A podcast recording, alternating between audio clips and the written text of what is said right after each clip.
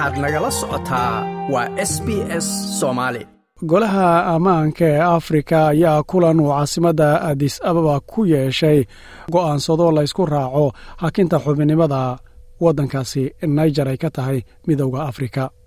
Golaha ayaa isagu waxa uu markii saddexaad ku guuldaraystay in go'aan laga soo saaro lagu hakinayo xubinimada waddanka naijer ee midowda afrika ay ka ahayd iyadoo dib loogu dhigay kulanka soo aadan. Fashilitaankan golahu uu ku fashilmay go'aankaasi ayaa waxa uu yimid kulan socday qiyaastii siddeed saacadood iyadoo si weyn ay ugu kala qaybsameen go'aankaasi oo beryihii horeete saacado koobanuun lagu qaadan jiray. Wararku waxa ay sheegayaan goluhu inuu awood u waayay inuu aaraadaasi uu kulmiyo oo halkaasi go'aan lagaga soo saaro lagu hakinayo iyadoo wararku ay sheegayaan dhinacyada taageeraya inaan la hakinin xubinnimada inay daliil ka dhiganayaan go'aanka ay gaadhay kooxda ama ururka dhaqaalaha ee dalalka galbeedka afrika ee ekowas loo yaqaano taasoo aan hakinin xubinnimada waddanka naijer ay gobolkaasi ama ekowas ay ka ahayd. Balse arrintaa mid ka gedisan waxay u ogolaatay ninka la yidhaahdo xasuumi mascuud oo ah wasiirka arrimaha dibadda ee naijer ee xukuumadda bazuum ka tirsanaa in uu ka soo qayb galo shirmadaxeedkii ekowas ee koowaad iyo kii labaadba oo lagu qabtay caasimadda nigeria abuja isagoo markaana ay u arkayeen inuu yahay ninka sida saxda ah ee sharciga ah waddanka naijer u matalayay markaasi. Aaraada kala duwan ee dhanka iyaduna faragelinta ciidanka ee bazuum la doonaya in lagu soo celiyo oo halkaasi qoladan haatan iyagu ciidanka lagaga qaado ayaa iluhu waxa ay sheegayaan in khilaafku uu imanayo in ayna jirin qiimayn iyadu aad u xeel dheer oo khataraha iyo faragelinta dhanka ciidanka ah lagu eegayo. Iyo weliba sidoo kaleeta inay adag tahay in xaaladdu aynan ooga darin in la hubsan karo. Waddamada qaar ayaa waxa ay ku doodayaan in golaha ammaanka ee afrika waddanka jaad markii ay dhacday sidan oo kaleeta inaan la hakinin iyadoo isla sidaana afgembi ciidaneed uu ka dhacay labadii kun iyo labaatan iyo kowgii. Ujeeddaduna waxa ay tahay in laga baqayo in xaaladdu ay uga sii darto. Tanoo dhaxal siin karta dagaallo iyo dhibaatooyin kaleete. Dhinacyada qaar ayaa waxay odorosayaan in golaha nabadda iyo ammaanka ee afrika uu ka soo saari doono oo keliya war murtiyeed uu ku soo cusboonaysiinayo inuu ugu yeedhayo hogaamiyaalka afgembiga sameeyey inay dhammaanaqaad u sameeyaan dhanka ammaanka madaxweynihii horeete iyo qoyskiisa iyo xubnaha xukuumaddiisa ah ee halkaasi lagu xidhay ayna tahay inay la mucaamalaan ururka ekawas oo markaana ay noqoto hindisada diblomaasiyadda in wax lagu qabto. Dhinaca kaleete xukuumadda kumeelgaadhka ah ee uu magacaabay golaha ciidanka ee naijer ee waddankaasi afgembiga kula wareegay ayaa waxay ogolaadeen inay wadaxaajood la galaan kooxda dalalka galbeedka afrika ee ekowas lagu soo gaabiyo iyadoo sidoo kaleetana ay shaaca ka qaadeen baarlamaanka dalalka kooxdaasi in ay guddi u diraan caasimadda niami ra'iisul wasaaraha la magacaabay ee hogaamiyaalka afgembiga ee naijer ay magacaabeen cali al amiin zayn ayaa waxa uu sheegay in golaha ciidanka hoggaankiisa jenaraal cumar cabdiraxmaan tiani inuu ogolaansho bixiyey loo ogolaanayo wadaxaajoodka kooxda dalalkaasi ikawas isugu yimaada isagoo caddeeyey inuu rajo ka qabo in wadaxaajoodkaasi ay maalmaha nagu soo aadan bilowdaan dhankooda baarlamaanka dalalkaasi ekawas ayaa waxa ay go'aamiyeen inay guddi u diraan magaaladaasi niyami si halkaasi hogaamiyaalka afgembiga ay oola kulmaan oo ay ula baadhaan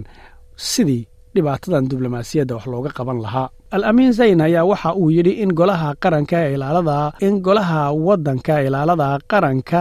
iyo xukuumadda kumeelgaadhkuba ay daleecaynayaan si weliba xoog leh ololaha dadka indha tiraya ee u adeegaya maslaxada shakhsiga ah iyo weliba kooxdiisa waa wuxuu u jeedaa madaxweynihii hore ee jikada laga tuuray maxamed bazuum iyo xukuumaddiisa.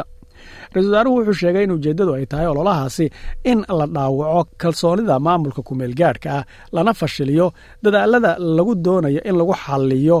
ee wadaxaajoodyada lagu galayo si dhibaatada looga baxo iyadoo sidoo kaleetana ay arrintaasi qalalaasa la maagan yihiin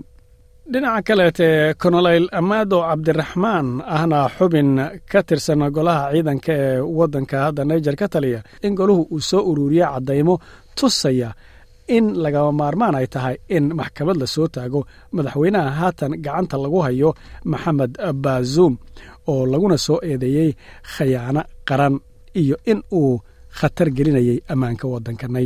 naijer warmurtiyeed uu ka akhriyey telefishinka qaranka cabdiraxmaan waxa uu sheegay in xukuumadda naijer ay kulmisay adilo ku filan in lagu maxkamadeeyo madaxweynaha jagada laga tuuray iyo asxaabtiisa iyo kuwa ajaanibta ah lana soo hortaago hay'adaha qaranka ee arrimahaasi u xil saaran. Sidoo kaleete amaado cabdiraxmaan ayaa waxa uu ku eedeeyey madaxda dalalka qaarkood oo uusan magacaabin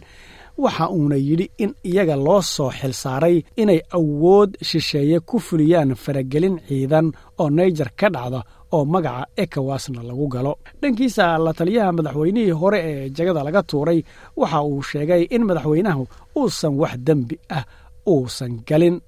oo markaana lagu magacaabo inuu khiyaamo qaran geystay. Wuxuuna intaa ku daray uma arka buu yidhi in madaxweynuhu uu iscasilo wuxuuna intaas ku daray in aan maxkamad la soo taagin hogaamiyaalka ciidanka markii ay u soo noqdaan awoodda waddanka taasoo ay ka fiirinayaan maslaxada waddanka ee guud.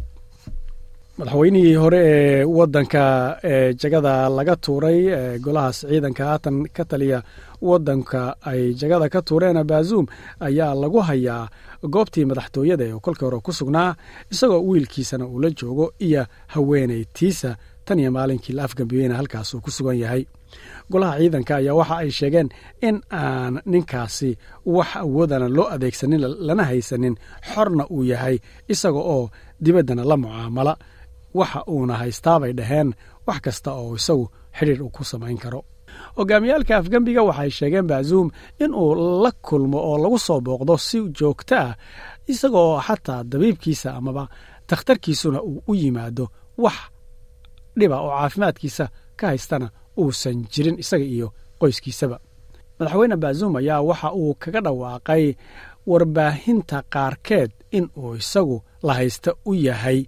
qolyaha afgembiga sameeyey isagoo sheegay in loo diiday in koronto uu isticmaalo oo layd uu halkaasi u isticmaalo gurigiisa laguna qasbay in uu keliya uun cuno bariis iyo baasto qalalan. Dhinaca kaleete maraykanka ayaa waxa ay muujiyeen maalintii isniintii ahayd inay aad uga xun yihiin baaqa golaha ciidanku ee waddanka naijer ay ku baaqeen inay ku go'aansan yihiin inay maxkamad soo taagaan. Madaxweynihii jegada laga xayuubiyey maxamed baazuum iyagoo ku eedaynaya khayaano qaran wasiirka arrimaha dibadda ee maraykanka antony blinken ayaa waxa uu la hadlay madaxweynaha nigeria isagoo markaasina haatan waddankiisu uu hayo hogaanka isagoo haatan wadankiisuna uu isagoo haatan waddankiisuna uu madax ka yahay wareegga ama kalfadhiga ururka ekowas isagoo shaaca ka qaaday inuu gacan siinayo dadaalada ay wadaan hogaamiyaalka ururkaasi uuna ku taageerayo waa wasiirka arrimaha dibadda ee maraykanka in culaysyo lagu saaro hogaamiyaalka ciidanka ee naijer afhayeen u hadlay wasaaradda arrimaha dibadda ee maraykanka ayaa waxa uu sheegay in xayiraadan cadaalad ahayn ee la saaray madaxweynaha baazuum inay haatan meel dheer gaadhay. Tallaabadaasi looma baahnayn ayuu yidhi waana tallaabo aan wax loogu marmarsooda aan la ahayn buu yidhi. Gebi ahaanba kamana qayb qaadanaysa buu yidhi wax xal ah oo nabada oo dhibaatada waddanka naijer laga gaadho arrintani. Dhankiista stephen dogard afhayeenka qaramada midoobay ayaa maalinkii isniintahayd waxa uu yidhi isku dayga dhanka golaha ciidanka ee naijer inay eedeymo khayaano qaran ay madaxweynihii hore ay u soo jeediyaan ee dimuqraadiga laga tuubay in ay tahay bay dhaheen arrin walwal beeraysa waxuuna intaas ku daray isagoo saxafiyiinta la hadlayey weli waxaan ku sugannahay buu yidhi walwal aad u weyn arrimaha ku saabsan wadciga madaxweynaha iyo qoyskiisa iyo caafimaadkiisa iyo weliba nabadgeliyadiisa waxaana ku celcelinaynaa inaan ugu yeedhayno in si deg dega lagu sii daayo shardina aan lagu xirin sii deyntiisa iyadoo weliba madaxweynenimadiisiina lagu celinayo ayuu yidhi afhayeenkaasi qaramada midoobay ma doonaysaa sheekooyinkan oo kale ka dhegayso apple podcast google podcast spotify ama meel kasta oo aad bodkastigaaga ka hesho